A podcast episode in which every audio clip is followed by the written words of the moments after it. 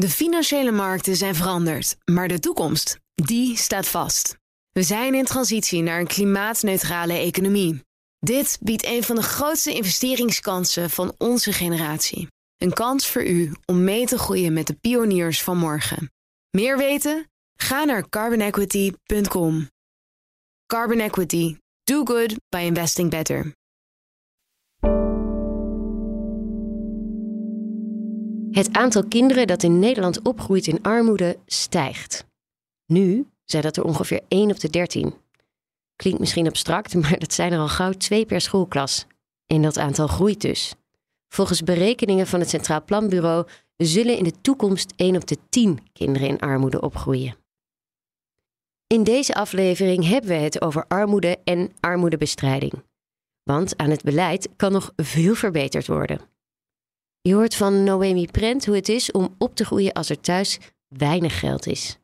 Uh, zelfs nu kan je nog schaamte voelen voor, kan ik nog schaamte voelen voor mezelf als kind in die situatie. Niet omdat ik me schaam voor waar ik vandaan kom, maar gewoon dat zit zo diep dat, dat, ja, dat je anders bent of zo. En Tim Sjongers komt langs. Hij is de nieuwe directeur van de Wiardi Beckman Stichting, het wetenschappelijk bureau van de Partij van de Arbeid. Hij neemt je mee in zijn strijd voor een betere visie op armoedebestrijding in de Haagse beleidstorens. We kijken naar een symptoom vanuit onze eigen waarden. Ouders kunnen het ontbijt niet meer betalen, dus we gaan heel dure hulp, uh, uh, we gaan heel dure hulp inschakelen. En we weten ondertussen allemaal dat eentje, net zoals met de bijstand, eentje in de jeugdzorg terechtkomt, dat het heel moeilijk is om daar nog uit te geraken. Dat moet dus anders, bepleit hij. Door de kloof te dichten hoopt hij dat het begrip groter wordt en het beleid dus beter. Mijn naam is Elfanie Toulaar en dit is De Week Voorbij, de weekendpodcast van het FD.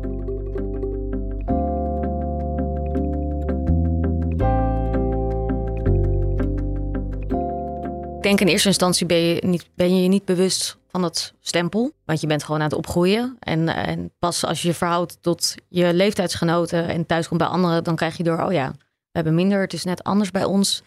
Uh, mijn moeder uh, was alleenstaand uh, en we zaten in de bijstand. Zij kon niet werken. Um, en nou ja, zodoende merk je op, op een gegeven moment, oh ja, we zijn afhankelijk van de gemeente om ons geld te krijgen. Uh, er is iets minder. Um, uh, ja, uh, mijn vader betaalde niet standaard geld of zo. Of die stuurde niet standaard maandelijks een bedrag. Um, toen kreeg ik ook nog een broertje. Dus de druk neemt dan toe. In huis natuurlijk. Er moet nog meer. Um, en dat, ja, hoe dat was. ik heb het, hoe zou ik het zeggen? Ik heb het nooit mezelf per se zielig of zo gevonden. Ik vond het meer onhandig of vervelend of lastig op sommige momenten. Uh, vooral als je daarmee geconfronteerd werd um, op school door vrienden of vriendinnen die wel iets konden of mochten. Um, dat waren de momenten dat het, dat het pijnlijk werd, omdat je er op die leeftijd als, als kind natuurlijk bij wilt horen. En dat ja. kon, kan niet altijd. Dit is Noemi Prent. Zij groeide samen met haar moeder en broertje op in Soest. Je hoorde het er al vertellen. Het gezin had het niet breed. Wat denk je dan wat, wat mensen hadden moeten weten, wat handig was geweest voor jou Um, over um, armoede? Nou, ten eerste uh, het stigma wat er nog steeds op zit. Van het zal wel je eigen schuld zijn. Nou, uh, oké. Okay. Uh, ten eerste is dat, geldt dat, gaat dat helemaal niet op. heel veel volwassenen hebben gewoon pech gehad. Um, tuurlijk zijn er situaties waarin iemand zichzelf in de nest heeft gewerkt. Maar er komt bovenop dat die kinderen er al helemaal niks aan kunnen doen, want het zijn kinderen. Dus dat is denk ik heel belangrijk dat die kinderen niet afgerekend worden daarop. Eh, maar zij krijgen toch te maken met dat stigma of een bepaald oordeel. Of er zal wel iets gek zijn met die familie. Hoe merkte je dat dan?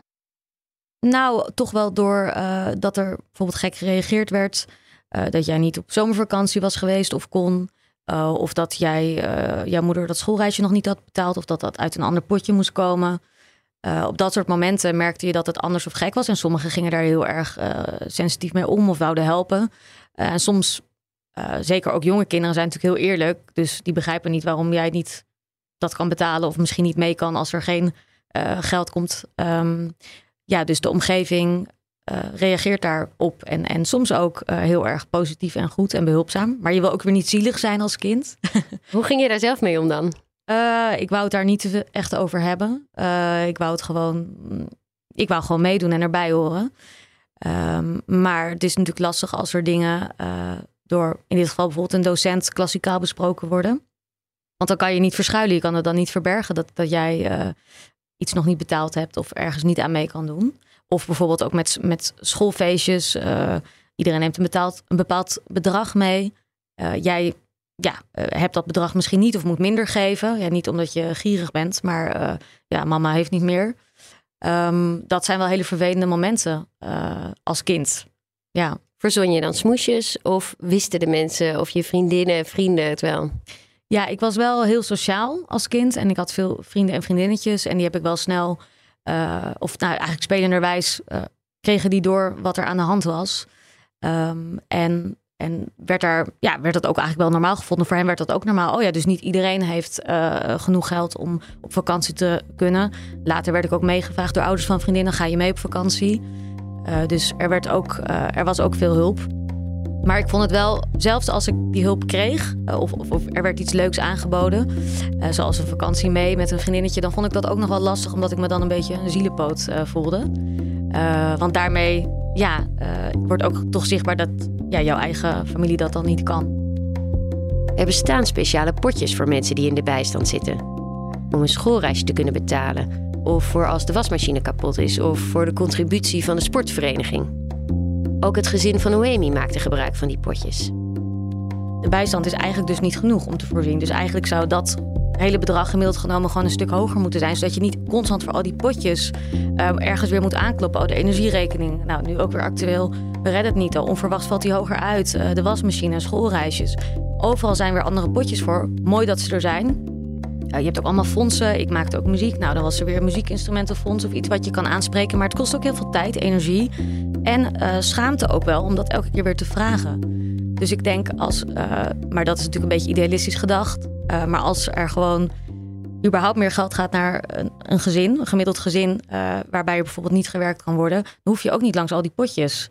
Het spaart ook heel veel administratietijd.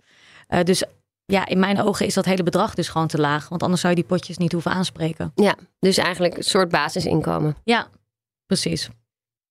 En je bent freelancer, freelance journalist, freelance muzieklerares. En je staat dus voor de klas. Um, merk je daar ook wel eens wat van dit probleem? Zeker, zeker. En op, ook op een hele andere manier dan uh, hoe ik dat twintig jaar geleden ervoor. Uh, je ziet natuurlijk de digitalisering in het klaslokaal. Er wordt met laptops gewerkt, de iPads, de jeugd heeft natuurlijk allemaal een telefoon. Nou, allemaal heel prachtig, biedt heel veel kansen. Er zijn ook bij de meeste scholen potjes om een laptop te krijgen. Nou, ben ik, daar word ik heel blij van. Maar dan komen we ook weer terug op dat stukje gêne. Uh, mensen moeten het wel durven willen vragen. Um, mensen moeten wel uh, nou ja, weten waar ze dat kunnen vinden. Dus dat vind ik ook wel weer een heel, hele lastige, dat het nu zo hangt ook op digitalisering. Uh, want daardoor wordt eigenlijk ook die kloof meteen heel erg zichtbaar of merkbaar. Um, dus dat, dat vind ik lastig. En je ziet ook nog steeds inderdaad, uh, uh, merk je meteen in een bepaalde klas of groep, ja, wie er, wie er wel iets heeft en wie niet. Wie er, uh, wie er later is, omdat er waarschijnlijk toch thuis iets aan de hand is. Um, dus ja, je ziet het ook nog steeds heel erg in, de klaslokaal, in het klaslokaal. En ik denk dat er heel veel docenten zijn die daar ontzettend goed mee omgaan en zich bewust van zijn. Maar ik kan me ook voorstellen um, als docent en je hebt niet deze achtergrond of ervaring, dat je misschien net iets minder uh, bewuster van bent. Um, nou ja, en, en, en, waar ik vroeger ook moeite mee had, is als er klassikaal dingen gevraagd of besproken werden, waaruit kon blijken dat, uh, ja, dat je misschien minder geld had.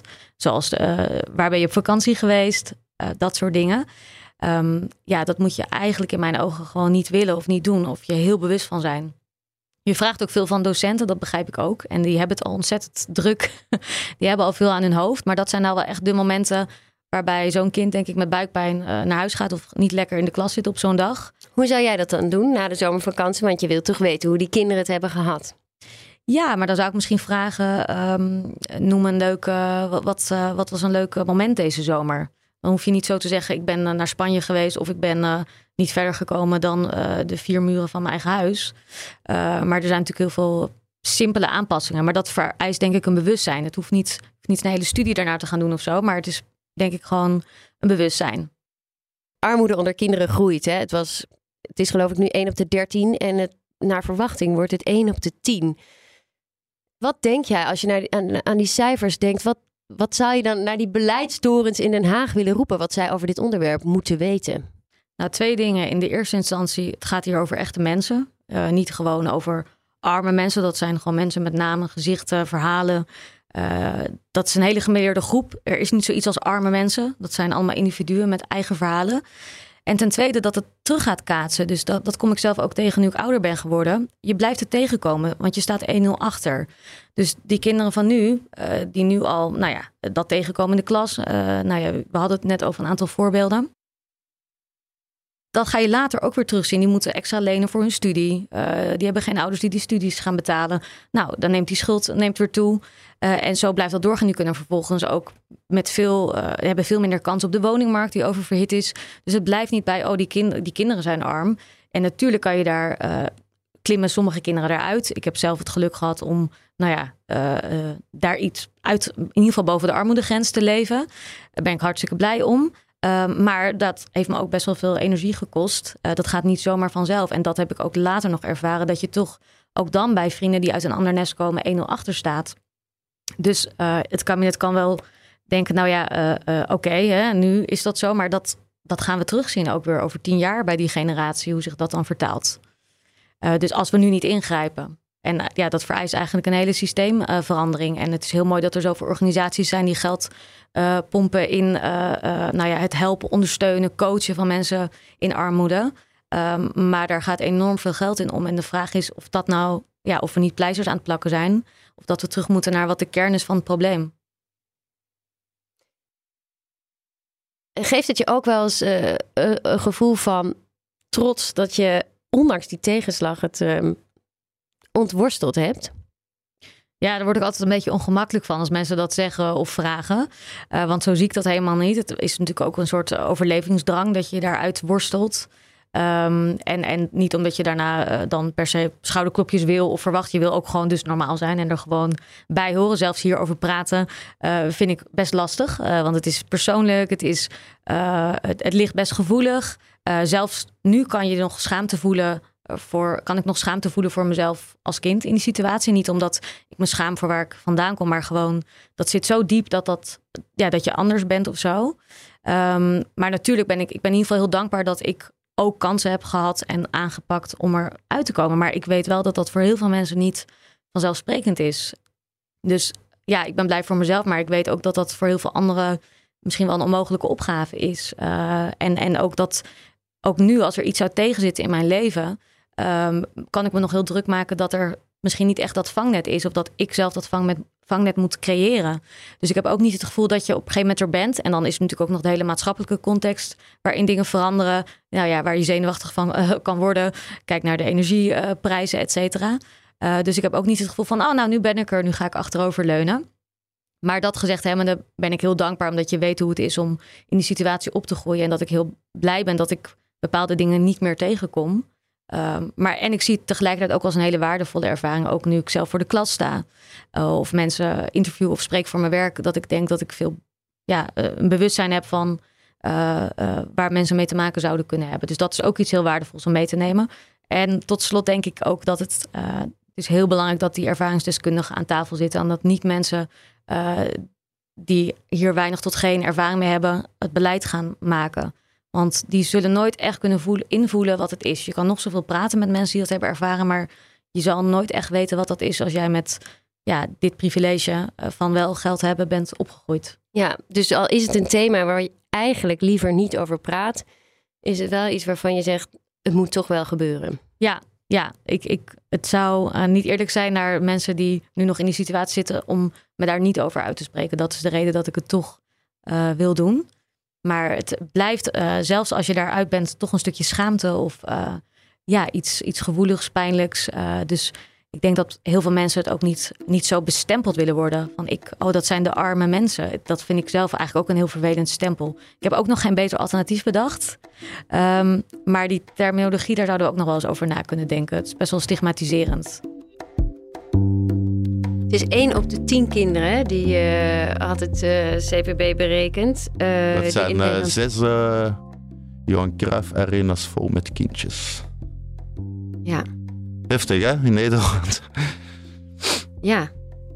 De man die je hoort is Tim Sjongers, de nieuwe directeur van de Wiardi Beckman Stichting, het wetenschappelijk bureau van de PvdA. Al zijn hele leven houdt armoede Sjongers bezig.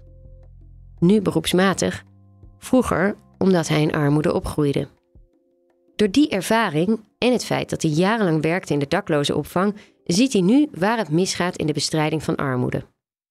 Tegenwoordig heeft hij korte lijntjes met de mensen die aan de knoppen draaien, die werken aan het beleid. En op dat beleid is hij heel kritisch. Want het werkt nu vaak eerder tegen dan mee. Wat we zien is dat bijvoorbeeld mensen die in armoede terechtkomen, dat die uh, door een heel complex systeem van regelgeving en wetten eigenlijk niet meer uit die armoede komen zonder hulp. En we hebben dat dan op zich, theoretisch hebben we het heel goed geregeld. Er zijn allerlei toeslagen en noem maar op. Maar in de praktijk betekent het bijvoorbeeld dat als je vanuit een uitkering of vanuit de bijstand wil gaan werken, dat je per definitie heel weinig erop vooruit gaat. Dat je anderzijds ook geconfronteerd wordt met het feit dat je heel veel toeslagen gaat moeten terugbetalen. En dan kan het zomaar zijn dat als u halftime werkt en u wil fulltime gaan werken, dat u uiteindelijk maar 10% koopkrachtwinst kan boeken. Terwijl u wel natuurlijk veel meer stress hebt om het gezin te regelen en veel meer bijhorende kosten hebt om, het om ja, de planning van het gezin bol te werken, zeg maar. Ja, het loont niet om meer te gaan werken omdat in bepaalde salarisschalen je dan je toeslagen kwijtraakt. Ja, zeker voor, voor, die, voor die hoogte natuurlijk. Hè. Anderzijds, kijk, we weten bijvoorbeeld dat een 19-jarige alleenstaande jongere in Nederland, uh, die werkt aan het minimumloon, die komt structureel nu al, komt die uh, eh, 326 euro tekort. Elke maand. Als we nu de inflatie even weglaten en we nemen dan de plannen van het kabinet erbij, en je gaat uit van een stijging van 10% van het minimumloon, wat trouwens over een heel jaar is, dat is niet dat ze vanaf 1 januari 10% omhoog gaan, nou dan kom je nog steeds meer dan 200 euro tekort iedere maand structureel. Nu kunnen we zeggen tegen die uh, eh, 19-jarige jongeren, ja, hard werken loont in dit land, maar ik denk niet dat die ons nog gaat geloven. En daar zullen we echt naar moeten kijken. En ik begrijp dat er nu het sentiment bestaat van, ja, maar dat is vermogensverdeling en uh, bedrijven moeten natuurlijk ook gewoon bijspringen en die vinden dat niet altijd even leuk. Dat begrijp ik. Maar anderzijds is het wel zo, bedrijven hebben er echt alle baat bij om gezonde en gelukkige werknemers te hebben bedrijven hebben er alle baat bij, zeker in de huidige krapte van de arbeidsmarkt, om ervoor te zorgen dat alle handjes en hoofdjes in die trant optimaal, benut kunnen worden. En als we zien dat het toeslagensysteem dat eerder tegenwerkt als meewerkt, ja, dan zijn eigenlijk de bedrijven wel aan zet, vrees ik. Een systeem dat tegenwerkt. Dus de lonen moeten omhoog, maar dat systeem zelf moet ook anders. Om te beginnen is de bijstand te laag, stelt Jongers. Drie van de vier mensen die een bijstandsuitkering ontvangen, leven alsnog in armoede. Een vangnet tegen armoede is die uitkering dus niet meer. En natuurlijk, het is belangrijk om je eigen verantwoordelijkheid te nemen. Maar dat is juist door die schrijnende armoede steeds moeilijker. Als er iets is als een armoedeval, mensen komen in armoede en komen er ondanks het systeem niet meer uit, dan denk ik dat we eigenlijk moeten zeggen dat we wel mensen die nog willen, dat we hen eigenlijk, ja, dat er een vissenkom-effect is, zoals ik dat dan noem. Dat we de regels en de ruimte om te groeien zo krap hebben gemaakt dat ze ook niet meer zullen groeien. En we weten dat dat na vijf tot zeven jaar uh, permanente gezondheidsschade met zich meebrengt. En dat is het andere verhaal. Hè. Als we mensen lang in armoede laten zitten, dan weten we dat we daar later gewoon uh, veel meer gezondheidskosten aan verbonden zullen zien. En we weten in Nederland dat het verschil in levensverwachting tussen rijk en arm is ruim vier jaar. Maar het verschil tussen mensen in uh, ervaren gezondheid tussen rijk en arm is wel 15 jaar. Wie niet dagelijks met armoede in aanraking komt, kan in de veronderstelling zijn dat we het hier in Nederland toch juist heel goed geregeld hebben. En ook Schommers ziet de goede bedoelingen van het beleid. Kijk, eigenlijk als je naar Nederland ziet, zijn er enorm veel sociale correcties. Een alleenstaande moeder die kan, uh, die kan aanspraak maken op 27 inkomensondersteunende maatregelen. Heel veel van die maatregelen hebben trouwens een andere definitie van inkomen. Bij de ene maatregel is bijvoorbeeld sparen een pre. En bij de andere maatregel is sparen een reden om gewoon geld terug te vorderen. Dus er zitten heel veel conflicten in. En dan wordt het al bijna een dagbesteding. En moet je echt wel van goede huizen komen en over heel veel democratische, uh, over heel veel bureaucratische vaardigheden beschikken om daaruit te komen. En wat we weten is dat één foutje in één formulier zijn effect kan hebben op heel veel formulieren. Waardoor er plots heel veel, heel veel terugvorderingen gaan plaatsvinden. Want daar is het wel inkomen, op dit formulier is het geen inkomen.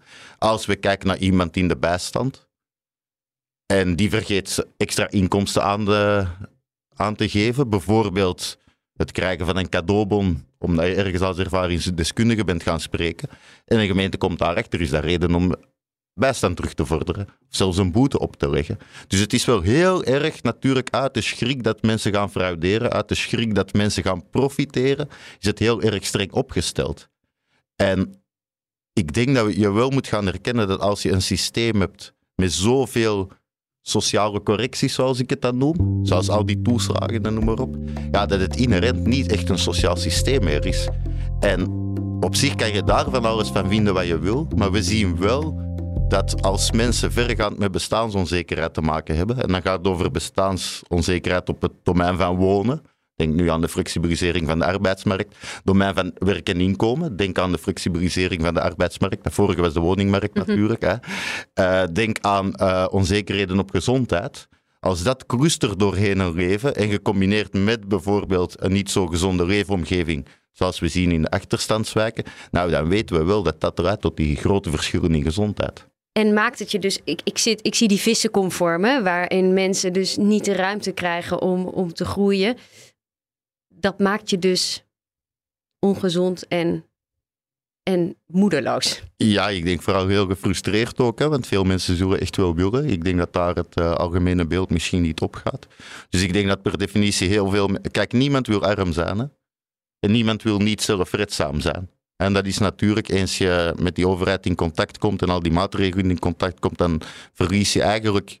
Zijn er twee dingen die gebeuren. Enerzijds verlies je de regie op je eigen leven. En dat is iets wat we geen van allen willen. Ik denk dat dat een schrikbeeld is als persoon, hè, om de regie over je eigen leven te verliezen.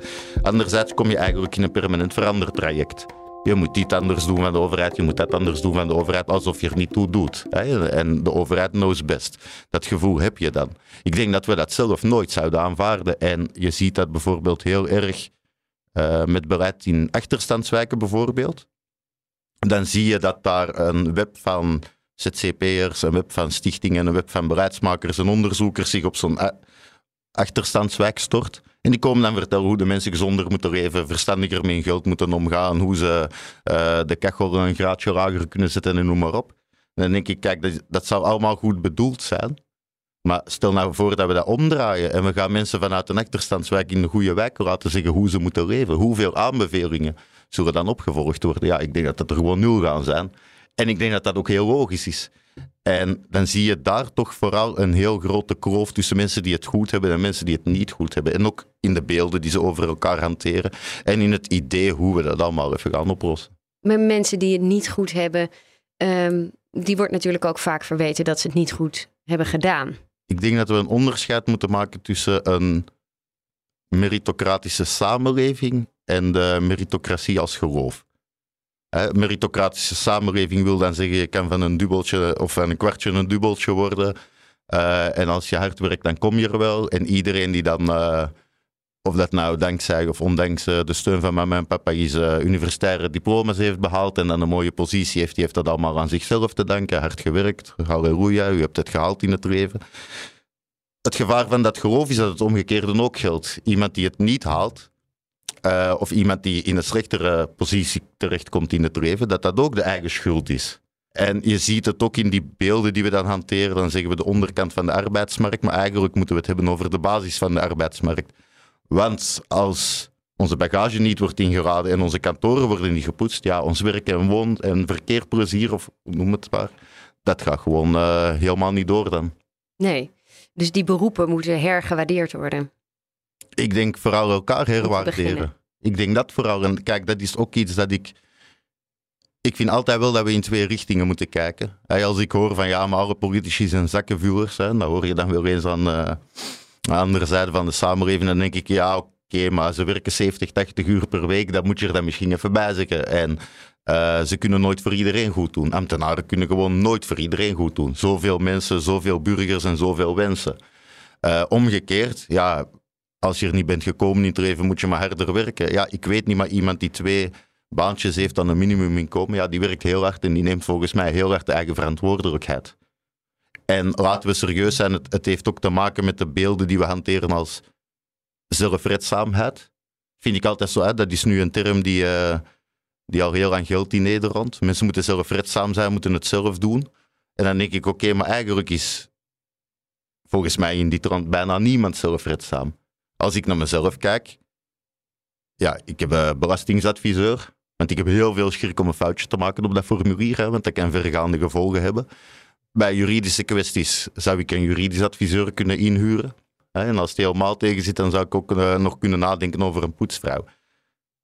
Als je dat allemaal niet zelf kan bekostigen en afkopen, en je komt in de problemen, ja, dan moet je bij die gemeente gaan aankloppen. En wat is de eerste vraag van die gemeente? Hoe zelfredzaam bent u nog? Maar net omwille van het feit dat ik alles kan afkopen, ben ik het toonbeeld van de zelfredzame burger. Maar ik ben niet meer of minder zelfredzaam dan die, dan die persoon die bij de gemeente gaat aankloppen, in essentie. Zelf loop je inmiddels al een tijdje rond in de Haagse stolp eigenlijk. Wat valt dan op bij de mensen die zich toch ook uh, vanuit het Haagse met dit onderwerp bezighouden? Nou, wat mij heel erg verbaasde, en dat heb ik uh, achteraf ook in een boekje genaamd Beledigende Broccoli uh, opgeschreven. Maar wat mij erg verbaasde is dat eigenlijk iedereen in die beleidstorens heel erg op elkaar lijken. Het zijn wel wat ik dan de hoopvolle noem. Mensen die altijd hoop hebben gehad op een goed leven en nu via die uh, beleidstorens en een prima baan ook hun leven goed vorm kunnen geven. Eigenlijk op de hopelozen beleid losgaat. Ik zeg niet hopelozen, maar hopelozen. Mensen die het gevoel hebben, we komen niet vooruit in ons leven en de toekomst zal niet onze toekomst zijn. En wat je dan krijgt is, en dat schrijf ik ook in dat boekje op, is dat je eigenlijk door die normen en waarden ook verkeerde beelden gaat projecteren op mensen in bijvoorbeeld een achterstandswijk. Bijvoorbeeld, die mensen maken ongezonde keuzes.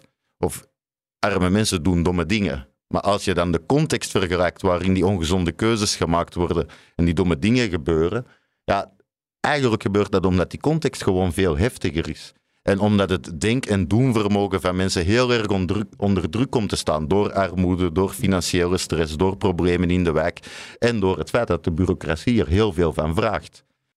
Jongers maakt zich zorgen.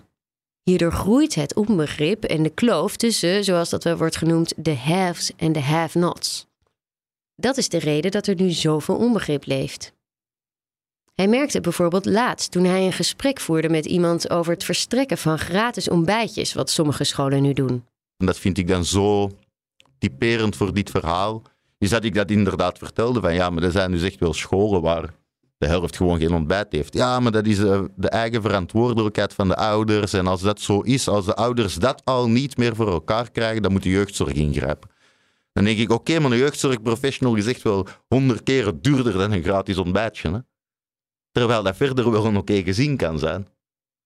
Dus we kijken naar een symptoom vanuit onze eigen waarden. Ouders kunnen het ontbijt niet meer betalen, dus we gaan heel dure hulp, uh, uh, we gaan heel dure hulp inschakelen. En we weten ondertussen allemaal dat eentje, net zoals met de bijstand, eentje in de jeugdzorg terechtkomt, dat het heel moeilijk is om daar nog uit te geraken. Om de kloof te dichten en het beleid doelmatiger te maken, is het belangrijk dat onder die beleidsmakers ook veel ervaringskennis zit. We hebben veel meer mensen nodig die en de kennis hebben die nodig is in die torens en daar eigen ervaringen in meebrengen. En het bestaat volgens mij. Want als jij bij een dienstruimtelijke ontwikkeling gaat kijken, wat ook ambtenaren zijn, die hebben die beleidskennis, die hebben de professionele kennis, en je gaat daar even rondvragen, vind je heus wel twee, drie mensen die wel met de bijstand te maken hebben gehad? Het lijkt me goed om hen daarbij te betrekken dan. Dat was hem voor deze week. Dankjewel voor het luisteren. Als je deze podcast leuk vindt, abonneer je dan vooral. Dat kun je doen door te zoeken op FD de Week voorbij, waar je dan ook podcast luistert. En delen met je vrienden.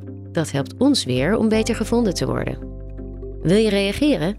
Dat kan natuurlijk. Stuur een mailtje naar podcast.fd.nl en mij kun je vinden op Twitter, Elfanie. Redactie van deze podcast is in handen van Yilda Bijboer.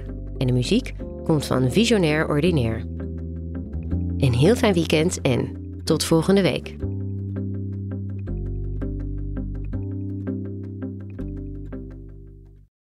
De financiële markten zijn veranderd, maar de toekomst, die staat vast. We zijn in transitie naar een klimaatneutrale economie. Dit biedt een van de grootste investeringskansen van onze generatie. Een kans voor u om mee te groeien met de pioniers van morgen. Meer weten? Ga naar carbonequity.com. Carbon Equity. Do good by investing better.